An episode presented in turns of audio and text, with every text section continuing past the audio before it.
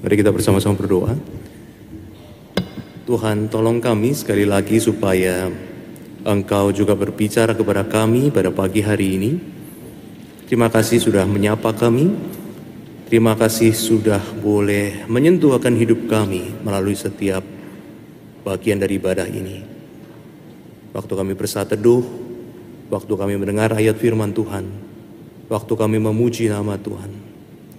Dan biarlah di bagian ini sekali lagi Engkau juga menyapa dan berbicara kepada kami karena kami rindu Tuhan. Kami rindu bahwa pemimpin di atas segala pemimpin, raja di atas segala raja, Bapa di atas segala Bapa yang paling mengasihi. Engkau peduli kepada kami dan Engkau mau berbicara kepada kami.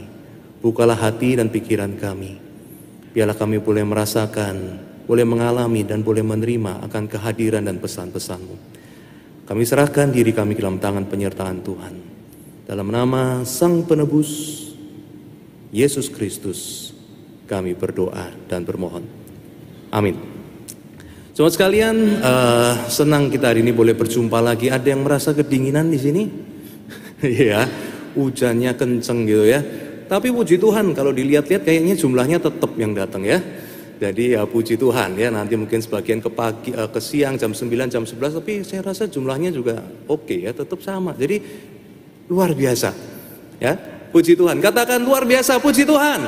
Luar biasa puji Tuhan ya. Kita angkat tangan kita, kita ucapkan terima kasih sama Tuhan, bilang Tuhan terima kasih. Satu, dua, tiga. Tuhan Terima kasih. Tepuk diri sendiri. Mantap.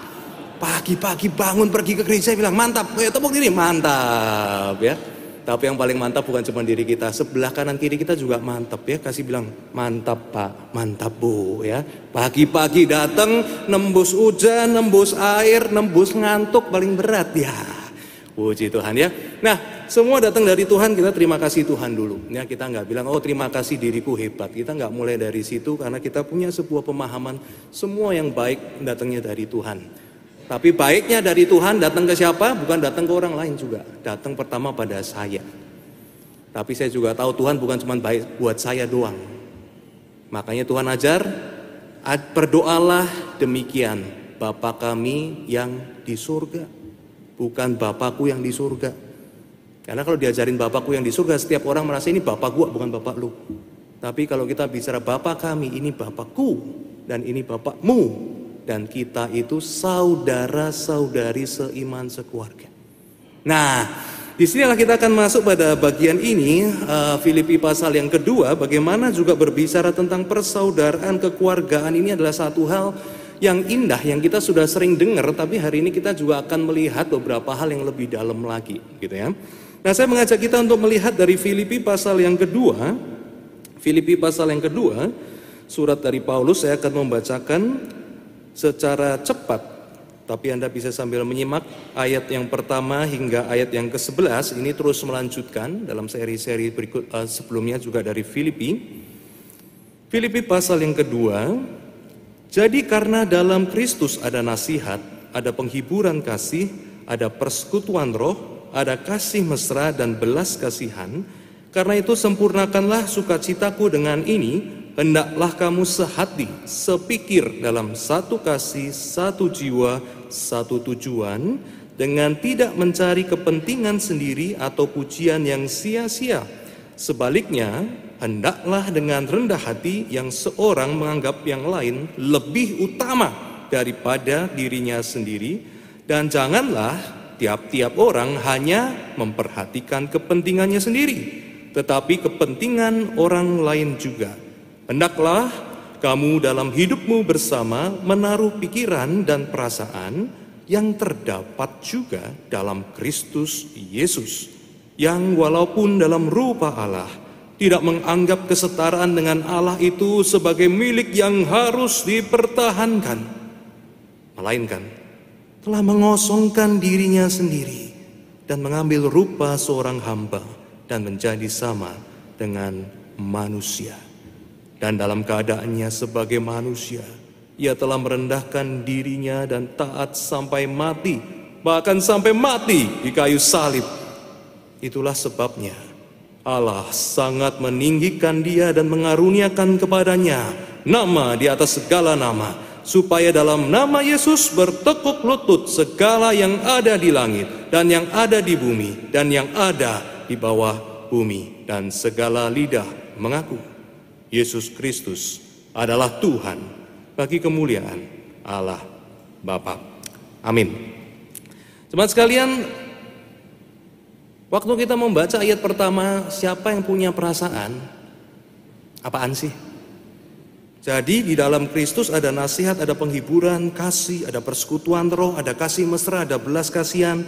Oleh sebab itu sempurnakan dengan sukacitaku ini. Hendaklah kamu jemaat itu anggota jemaat, kamu itu sesama kelompok kecil, kamu itu satu persekutuan. Hendaklah kamu sehati, sepikir, satu kasih, satu jiwa, satu tujuan. Tidak ada yang mencari kepentingan sendiri, tidak ada yang cari pujian yang sia-sia.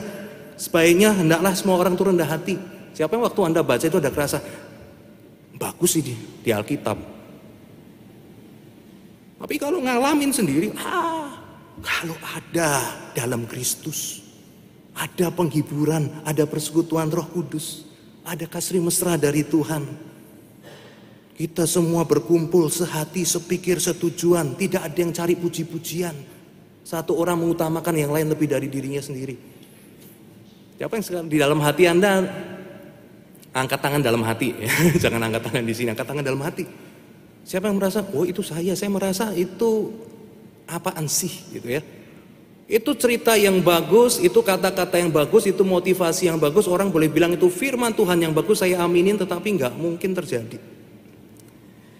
Bapak Ibu ini adalah satu hal yang tema kita juga pikirkan ya, melanjutkan eksposisi kita sehati dan sepikiran dengan Injil Kristus. Dan Injil Kristus pada bagian ini juga menunjukkan bagaimana di dalam Kristus itu ada sebuah kasih persaudaraan sebagai keluarga, ada rendah hati, ada saling mengasihi. Nah, ini adalah satu hal yang hari ini kita renungkan, tetapi saya rasa saya tidak perlu untuk mengatakan banyak hal lagi tentang kerendahan hati. Anda sudah pasti sering kali dengar di khotbah di mana pun juga. Jadi kalau bicara gereja, bicara tentang rendah hati, saya yakin tidak ada satupun jemaat di sini tidak pernah tidak dengar khotbah tentang rendah hati. Pertanyaan besarnya adalah yang kita harus tanyakan, kenapa itu cuma bagus di kertas? Kenapa itu cuma bagus di mulut pendeta? Kenapa itu cuma bagus di mulut pengkhotbah? Kenapa itu cuma bagus di mulut pemimpin kelompok kecil? Kenapa itu cuma bagus di doa-doa yang dipanjatkan oleh papa mama kita? Tetapi kita tahu betul, it's not gonna happen. Itu nggak akan terjadi. Bapak Ibu sebelum kita masuk ke pertanyaan mendalam ini Kita sekali lagi sedikit melihat lebih detail Apa yang dimaksud rendah hati? Nah kita mulai harus samakan juga Apakah kerendahan hati itu adalah sikap yang santun? Bukan selingak selingkuh Saya cari jawaban di mana ya? Ah tidak sopan sama orang tua Apakah rendah hati itu seperti itu? Nah maka kita melihat beberapa hal Yang pertama kita melihat Rendah hati itu punya sebuah karakteristik, dia itu menyatukan. Itu ada di dalam ayat bacaan kita. Maka waktu ada kerendahan hati, di situ ada kesehatian, kesepikiran, satu kasih dan satu tujuan. Kerendahan hati juga punya ciri khas menganggap yang lain lebih utama dari dirinya sendiri. Kemudian rendah hati juga punya sebuah ciri khas tidak memperhatikan kepentingan sendiri, tetapi juga kepentingan orang lain juga. Ya ini adalah ciri-ciri daripada kerendahan hati. Jadi rendah hati itu bukan rendah diri. Nah itu kita perlu ngerti. Rendah hati sama rendah diri lain. Kalau rendah diri orang itu tidak percaya diri. Kalau orang rendah diri itu susah diajak bersatu. Ayo gabung sama kita, saya tidak layak. Ayo saya mengasihi kamu. Nah mungkin kamu sayang sama saya, kamu pasti ada maunya. Susah. Jadi rendah hati sama rendah diri lain. Rendah diri pun hambatan untuk kesatuan. Demikian juga rendah, kalau rendah hati itu lawannya adalah tinggi hati. Itu kita sudah tahu ya. Memang betul. Rendah hati lawannya adalah kesombongan. Ya kalau kesombongan tuh menganggap diri sendiri lebih utama dari orang lain. Itu perlawanan dengan yang ada di poin di atas, gitu ya. Dan kita juga melihat rendah hati itu biasa juga memakan sebuah pengorbanan. Biasa kerendahan hati itu juga ada sebuah makan hati.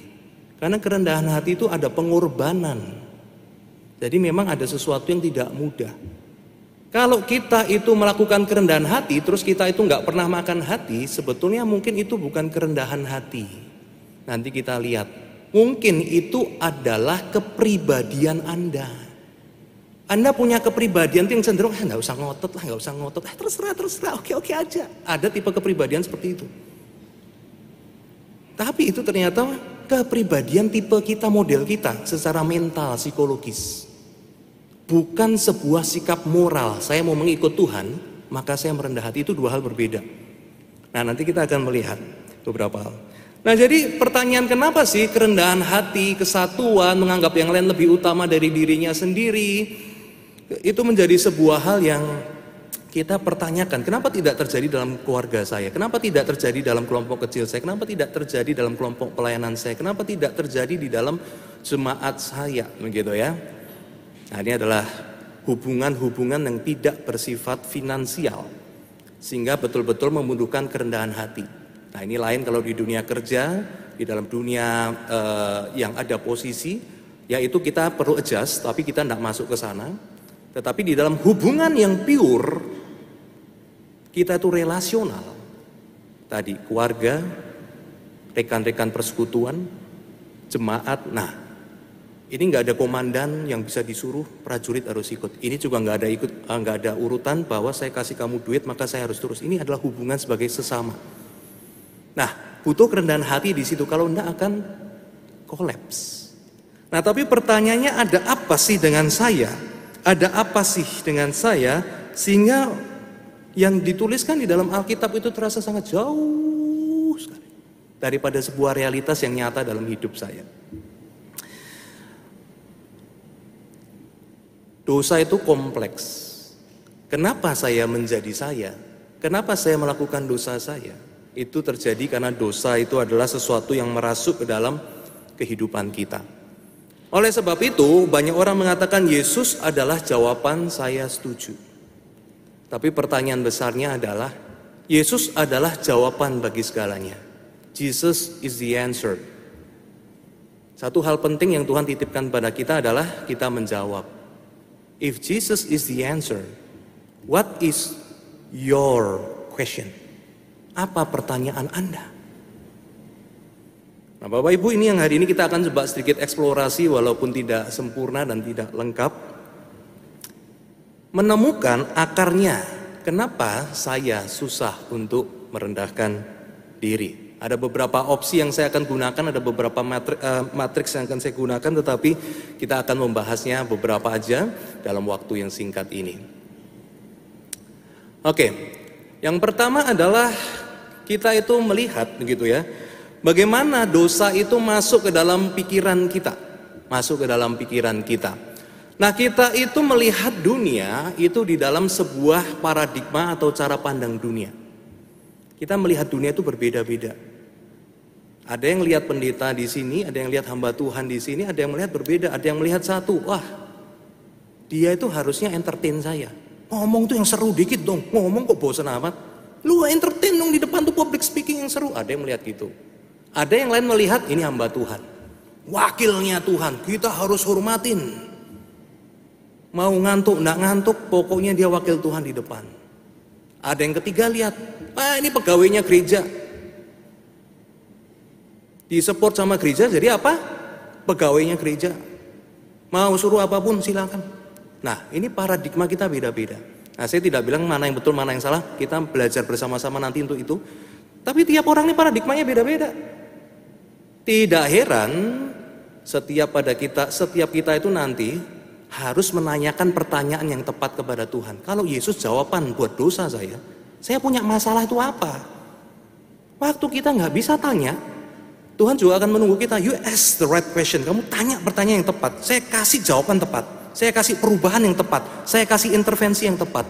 Tapi kamu tahu pertanyaannya atau tidak? Nah, maka kita perlu berpikir, apakah dalam masalah kerendahan hati ini mengutamakan orang lain lebih mengutamakan orang lain sama seperti diri saya sendiri. Ada kesulitan karena kita punya sebuah paradigma dunia, cara pandang dunia yang salah. Nah, ini kita cari pertanyaan kita yang mana ya, akar permasalahan kita di mana? Apakah kita adalah yang punya masalah di kognitif atau pikiran? Yaitu kita adalah orang yang sangat logis. Sangat logis. Kalau saya kasih saya kehilangan duit. Kalau saya hormatin dia, berarti dia lebih tinggi dari saya. Eh, saya nggak mau, nggak logis. Lo saya lebih kaya, saya lebih hebat, saya posisi lebih tinggi. Kenapa saya harus menahan diri sama kamu? Saya utang apa sama kamu? Nggak logis dong. Saya lebih hebat, saya lebih tinggi, saya lebih tinggi pencapaiannya kamu enggak. Masa saya harus tunduk sama kamu? Nggak logis. Nah, mungkin ada yang berpikir kayak begitu. Gitu ya. Nah, Mungkin juga ada yang berpikir begitu ya bahwa dalam hidup itu adalah ada transaksional. Transaksional. Nah, jadi ada orang tuh berpikir ngelihat hidup tuh begini adalah transaksional. Ya, contohnya itu seperti apa dalam kehidupan sehari-hari? Dalam kehidupan sehari-hari itu orang transaksional tuh pikirannya seperti ini. Lu, kamu, Anda hormat sama saya, saya hormat sama kamu transaksional. Kamu hormat sama saya, saya hormat sama kamu. Kamu kurang ajar sama saya, saya kurang ajar sama kamu. Kamu mau dengerin saya? Bagus. Lain kali kamu ngomong, saya dengerin. Kamu nggak mau denger saya ngomong apa? Jangan harap saya denger. Kamu mau ngomong apa? Saya dengerin. Kamu dukung saya. Kamu support saya. Saya support kamu. Kamu nggak support saya, tunggu waktunya lu minta support, gue nggak kasih. Nah, transaksional. Nah, apakah ini adalah sebuah akar dosa yang ada di dalam salah satu daripada kita pada saat ini? Karena setiap kita punya akar berbeda, sin is kompleks. Satu statement dari Tuhan, setiap kita itu punya pertanyaan berbeda-beda, masalah berbeda-beda. Nah ini, hari ini Tuhan menyapa kita. Adakah di antara kita yang memang punya masalah di faktor kognitif pikiran kita? Nah termasuk salah satu yang bersifat faktor kognitif ini adalah banyak orang yang saya juga ketemu di zaman modern ini selalu berkata, Ajaran Alkitab itu baik untuk di surga, tetapi tidak baik untuk di dunia. Kenapa? Karena di dunia ini kita itu manusia, makhluk hidup itu harus berpikir untuk survival, untuk bertahan hidup. Bagaimana saya itu kalau merendahkan diri? Gimana saya itu kalau saya mengasihi, saya itu bisa bertahan hidup. Saya bakalan ditipu, bakalan ditindas, saya bakalan disakiti. Sehingga tidak mau untuk menjalankan firman Tuhan. Nah, Bapak Ibu itu ada yang punya masalah di masalah kognitif kita, begitu ya. Nah ini semua saling terkait, tapi beberapa ada faktor yang lebih kuat, begitu. Nah kemudian ada faktor yang lebih uh, meliputi yang disebut sebagai kondisi mental, ya kondisi mental.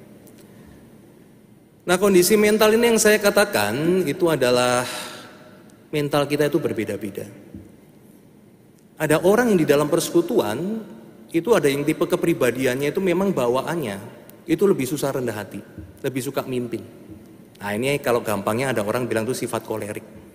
Begitu ketemu, ini begini, begini, begini, begini. Begitu ada yang bilang itu kayaknya kurang bagus. Lah ketuanya di sini siapa? Seksi acaranya siapa? Yang dipercaya siapa? Sudah nih bikin begini aja. Wah gitu ya. Ada yang begitu. Ada yang lebih tipenya itu flekmatik. Kamu suruh apa? Bikin ini. Ah, bikin. Ambil itu, ambil. Ikut aja. Ngapain ribut, ngapain ngotot? Gak ada gunanya, gak ada untung-untungnya juga kan santai aja suruh apa bikin, apa bikin, bikin. bikin. Ah, kalau orang model flekmatik ini kayaknya rendah hati. Gampang ya, nggak susah sama dia begitu. Tapi sebetulnya itu karena tipe kepribadian dia.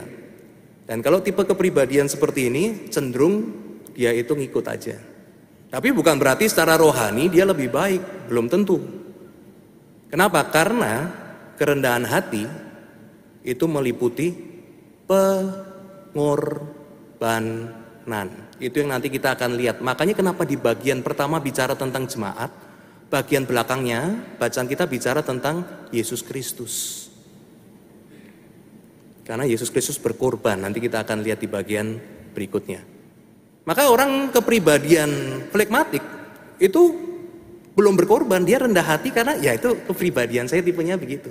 Nah, biasanya tipe-tipe flekmatik nanti akan kena juga waktu dia masuk ke bagian-bagian yang lain. Misalkan adanya dorongan kebutuhan diri ya. Nah, ini kita bisa lihat. Nah, selain kepribadian, masing-masing daripada kita itu juga punya yang namanya itu kebutuhan diri. Ya, misalkan kita menggunakan satu teori yang disebut sebagai teori Maslow. Jadi Maslow itu melihat orang itu punya tingkatan, gitu ya. Nah, tingkatan pertama itu adalah kebutuhan-kebutuhan yang bersifat mendasar. Makanan, minuman, tempat tinggal, pakaian, ini kebutuhan yang mendasar. Gitu ya. Nah, tapi nanti kalau kebutuhan mendasarnya sudah naik, dia naik ke tingkat berikutnya, yaitu apa? Safety ya mulai dia ingin merasa nyaman, mungkin mulai dia merasa mulai ada kepastian hukum, dia mulai merasa ingin ada eh, kesempatan-kesempatan uh, di mana dia itu hidupnya aman dan sebagainya begitu ya. Jadi ini akan naik terus begitu. Nah, nanti sampai yang terakhir itu namanya self actualization ya. Jadi orang itu kalau sudah dapat semua, sudah safety, sudah kebutuhan sehari-hari cukup, teman juga cukup begitu ya. Nanti pinginnya apa? Aktualisasi diri gitu ya, ingin menunjukkan dirinya siapa. Nah, tidak heran makanya nanti Anda akan ketemu orangnya sudah kaya, sudah terkenal apa, begitu ya. Ada yang mau jadi ustadz, ada yang mau jadi pendeta, ada yang mau jadi pelayan ke daerah-daerah kecil gitu. Kok cari masalah sih, begitu kan? Kayak Bill Gates pergi ke Afrika, Ngapain enak-enak di Amerika? Karena dia sudah kebutuhan makan cukup, safety ada, rumah ada, negara dia aman, sosial need ada. Dia punya teman-teman, dia punya dukungan, self esteem ada, dia dihargai. Apalagi saya nggak butuh duit. Maka dia pergi ke Afrika, dia buang-buang uangnya, dia datang ke sana, dia ngelayanin orang secara karena secara manusia dia sudah sampai ke self actualization. Hidup saya mau cari apa lagi? Gitu ya. Nah tapi kan nggak semua orang sampai ke tahapan seperti itu. Nah, makanya dalam kondisi kehidupan kita, kadangkala hilangnya kerendahan hati adalah karena kita punya dorongan kebutuhan diri yang kita nggak sadar. Nah, contohnya apa? Contohnya, kalau orang mungkin saudara seiman kita, mungkin kenalan kita, mungkin keluarga kita sedang ada di kondisi di bawah, dia sedang butuh kebutuhan dasar. Bapak Ibu, kemudian ngumpul bersama-sama. Ya, tengah rapat atau tengah kumpul keluarga arisan, uh, apa perkumpulan keluarga. Terus bilang sama dia, wah ini snackmu ndak enak loh. Kamu bawa makanan apa ini kok kayak gini? Beli di mana? Murah.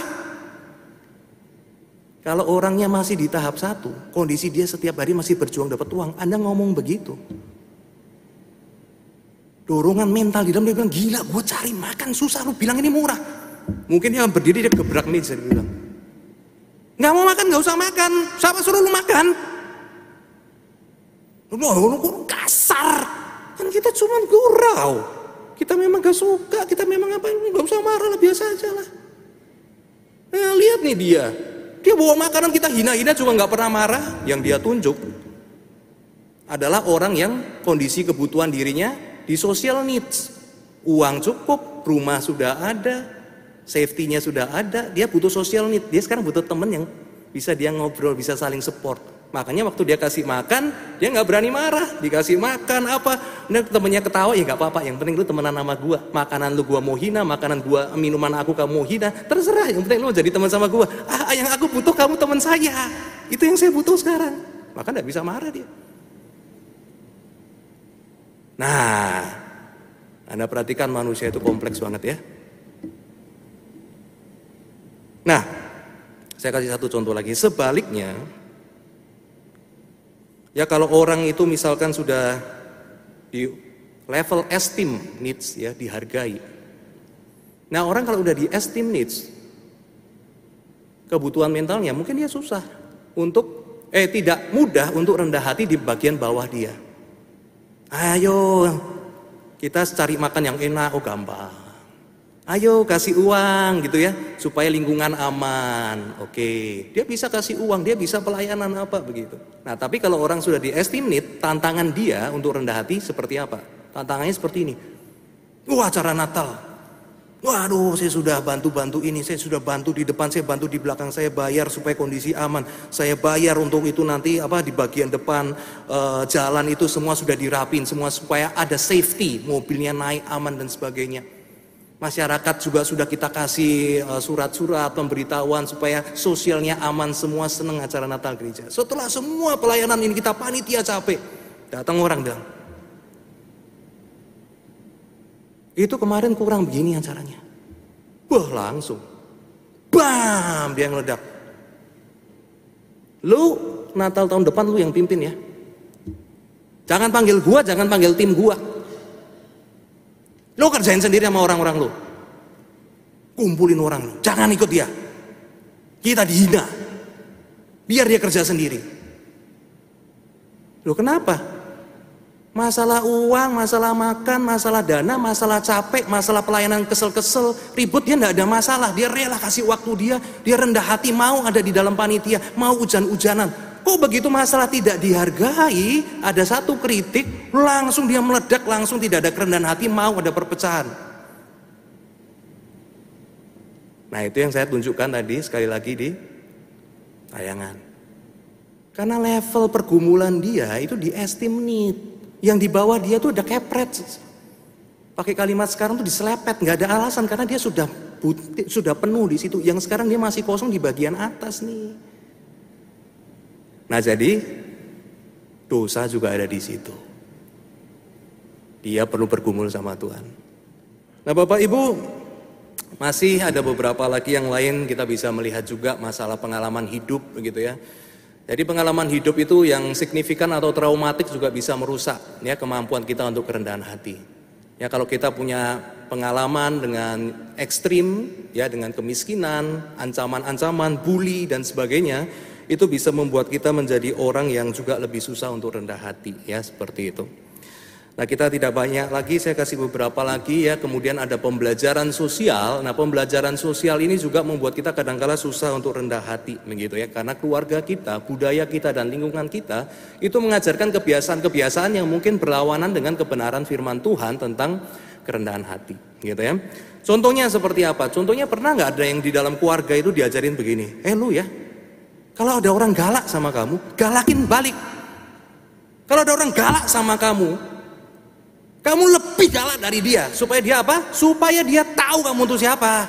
Jangan diinjek-injek. Nah, Bapak Ibu kita kan masih anak-anak, mana kita tahu? Oh, firman Tuhan Filipi pasal 2. Waduh silaka hebat kalau ada yang gitu kasih tahu saya ya, anaknya bisa ngomong gitu. Filipi pasal 2 bilang mama nggak boleh. Enggak, ya anak, oh ya, oh ya. 5 tahun, 6 tahun, 7 tahun, 8 tahun, 10 tahun, SMP, SMA. Kalau ada orang macam-macam sama jangan dikasih pintu. Lu sekali kasih pintu dia masuk lebih dalam. Tutup pintu kebrak bikin dia takut. Nah lama-lama kita juga belajar di kehidupan kita ke depan itu jadi pola kita, habit kita. Tiap kali ketemu masalah apa yang kita lakukan? Apa yang diajarkan keluarga saya? Apa yang diajarkan orang-orang yang berpengaruh dalam hidup saya? Apa yang diajarkan masyarakat saya? Sehingga itu menjadi sesuatu yang terjadi ya begitu. Nah, pembelajaran sosial ini juga bukan hanya di keluarga tetapi di zaman sekarang juga lewat media sosial. Bapak Ibu pernah sadar nggak di dalam media sosial itu menarik sekali. Kalau Anda di dalam media sosial, Anda itu mencari sesuatu atau Anda itu klik sesuatu, misalkan ya, Anda cari rumah, Anda klik iklan rumah, tidak berapa lama media sosial Anda itu semua iklannya akan cenderung ke arah rumah. Kalau Anda klik masalah sepatu olahraga, nggak lama lagi nanti semua iklan media sosial Anda itu tiba-tiba arahnya akan ke sepatu, sepatu olahraga, baju olahraga dan sebagainya. Kenapa? Karena komputer itu diatur, internet itu algoritmanya diatur.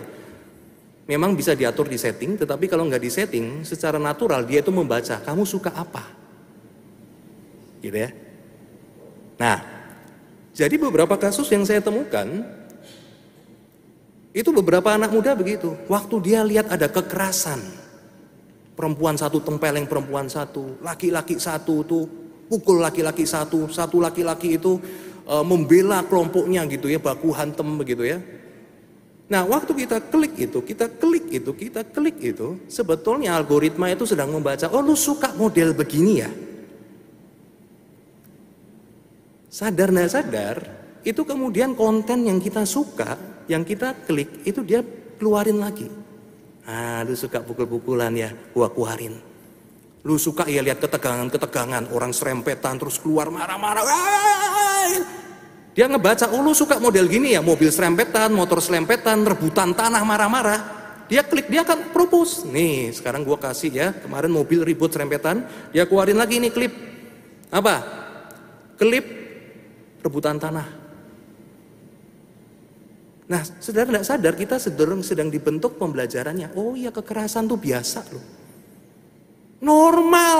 Kalau gereja bilang tidak engkau rendah hati mengutamakan yang satu lebih daripada yang lain. Wah, ya ngomong aja di gereja, di realitas. Wah, nggak mungkin. Nah, ini hati-hati sekali pembelajaran sosial di lingkungan kita. Nah, Bapak Ibu itu adalah akar-akar dari dosa yang hari ini saya coba tunjukkan beberapa. Dengan tujuan apa? Dengan tujuan begitu. Kalau Yesus punya jawaban untuk masalah kita, hari ini Tuhan juga kasih satu tugas. PR terbesar saya, Yesus bilang saya sudah kerjakan di kayu salib. Semua dosa apa pun juga, kesalahan apa pun juga, saya ampuni. Manusia rusak seapapun juga, kalau menyerahkan diri sama saya, saya akan perbaikin. Cuman saya kasih satu PR buat kamu. Apa itu PR-nya Tuhan? Satu, masalahmu tuh apa? Kamu ngerti nggak? Dan begitu kita mulai dapat bayangan Tuhan masalahku di kognisi, masalah kerendahan hati. Tuhan masalahku itu ada di kondisi mentalku Tuhan. Yang aku tidak bisa kontrol. Tuhan masalahku itu lingkunganku, medsosku. Yang mempengaruhi bagaimana aku bersikap Tuhan. Tuhan tolong aku. Nah waktu kita mengajukan pertanyaan yang tepat. di situ Tuhan akan masuk secara lebih dahsyat lagi. Untuk boleh mengubahkan hidup kita. Bapak Ibu itu adalah satu hal yang mendasar kenapa bagian ini cukup panjang. Nah, masuk ke dalam jawaban Tuhan sekarang. Dalam Filipi kita melihat ya surat Filipi secara keseluruhan sebuah konsep yang disebut di dalam Kristus atau en Kristo. Itu adalah satu hal yang terus-menerus muncul, menunjukkan bahwa pentingnya kita itu ada di dalam Kristus. Kalau kita melihat di dalam ayat bacaan kita, ayat yang satu, ya, jadi karena dalam Kristus dan seterusnya ada kasih, ada persekutuan roh dan seterusnya. Apa yang berbeda dari kekristenan dengan agama lain? Jawabannya kelihatan dari Filipi. Apa? Jika ada dalam Kristus, jika ada di dalam roh, maka rendah hatilah, anggaplah yang lain lebih utama. Dia tidak bilang gini, kamu jadi orang baik ya, kamu tuh jadi orang rendah hati ya. Alkitab mengajarkan, kalau saya bisa rendah hati, karena lebih dulu ada Kristus. Karena lebih dulu saya di dalam Kristus. Maka ditulis jika di dalam Kristus maka. Jadi ini bukan sekedar orang bilang hukum agama. Hukum agama apa? Kamu mampu tidak mampu? Lakukan ini. Bayar pajak. Jangan langgar lampu merah. Nah kalau orangnya buta gimana? Sudah urusan dong. Itu lampu merah, lampu merah tidak boleh dilanggar. Orang buta bawa kendaraan nabrak salah dia.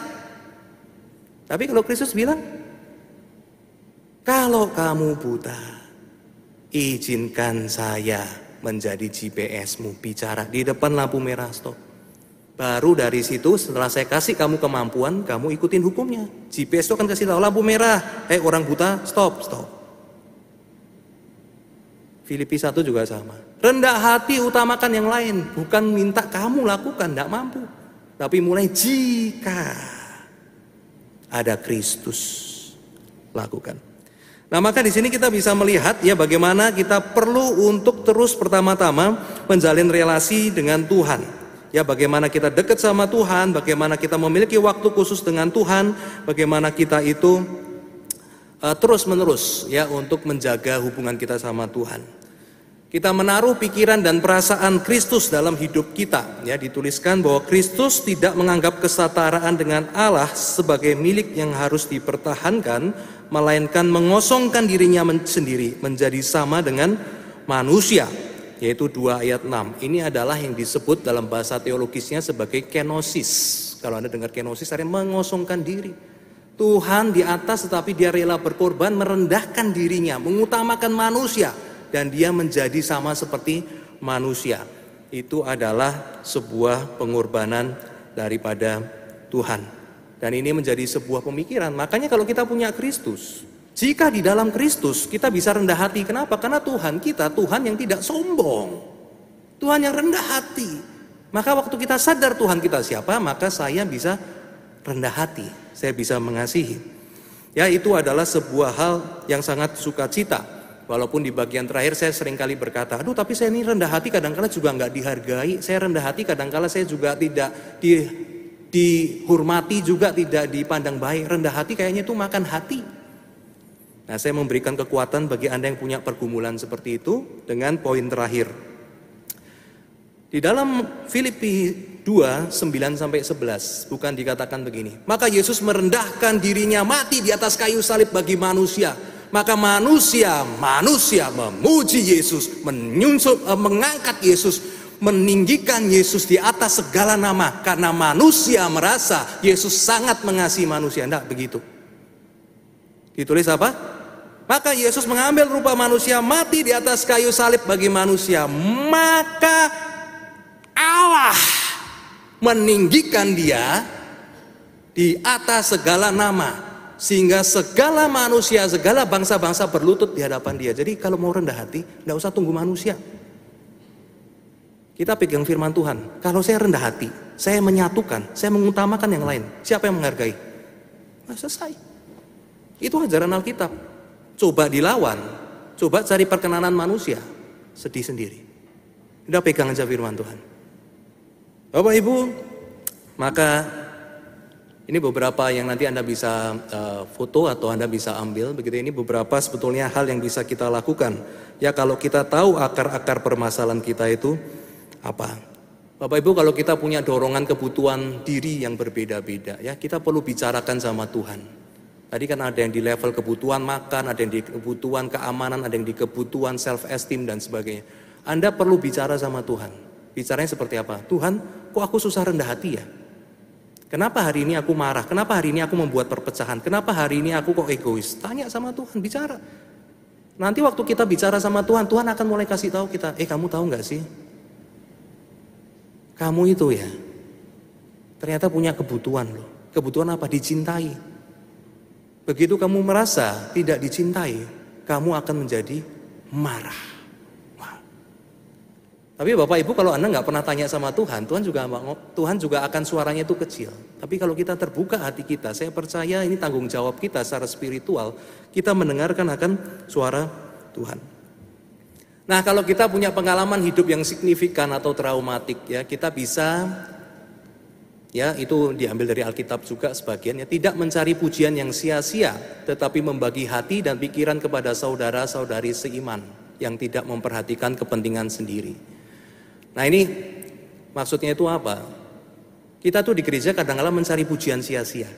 Datang bawa anak, bawa istri. Ah, keluarga saya keluarga bahagia, gitu ya. Padahal sia-sia. Begitu kita pulang rumah kita ribut sama anak, kita ribut sama istri. Pujian yang sia-sia. Tapi ada baiknya kalau kita memang punya pergumulan seperti itu kita datang kepada Tuhan, ya. Kita datang kepada orang yang kita percaya, kita bicara. Kamu tahu nggak? Saya itu butuh pertolongan. Saya itu tidak rendah hati terhadap istri, saya tidak rendah hati terhadap suami, saya tidak rendah hati terhadap anak saya. Anak saya, anak-anak tidak rendah hati terhadap orang tua. Nah Bapak Ibu, izinkan Tuhan itu menjawab. Dengan apa? Ya dengan Anda itu untuk boleh mencari saudara-saudari seiman yang bisa mendoakan Anda, yang bisa mensupport Anda. Nah, dalam Kristus juga meliputi ya faktor kognitif ya. Kalau di antara kita yang punya masalah dosanya di kognitif, saya mengajak Anda untuk melakukan praktek rohani, membaca, mengulang, mengaitkan dan memicu kisah Injil. Alkitab itu banyak. Tapi kalau Anda terbatas, Anda merasa apa? Bacalah Injil selalu. Setiap hari baca kitab Injil. Apa yang Yesus lakukan. Paling sedikit. Sehingga waktu Anda baca dalam kehidupan sehari-hari, Anda tuh tiap ketemu masalah, ketemu orang, ketemu kejahatan, ketemu kesombongan. Itu selalu yang keinget apa? Aduh hari ini aku baca apa yang Yesus lakukan, apa yang Yesus lakukan. Sehingga apa? Pelan-pelan otak kita itu mulai berubah mulai dia itu memiliki sebuah program yang baru. Gitu ya. Nah Bapak Ibu ini adalah sebagian kecil yang hari ini saya bisa bagikan tetapi saya mengajak kita untuk bersama-sama masuk dalam doa. Saya akan menuntun Anda dalam doa.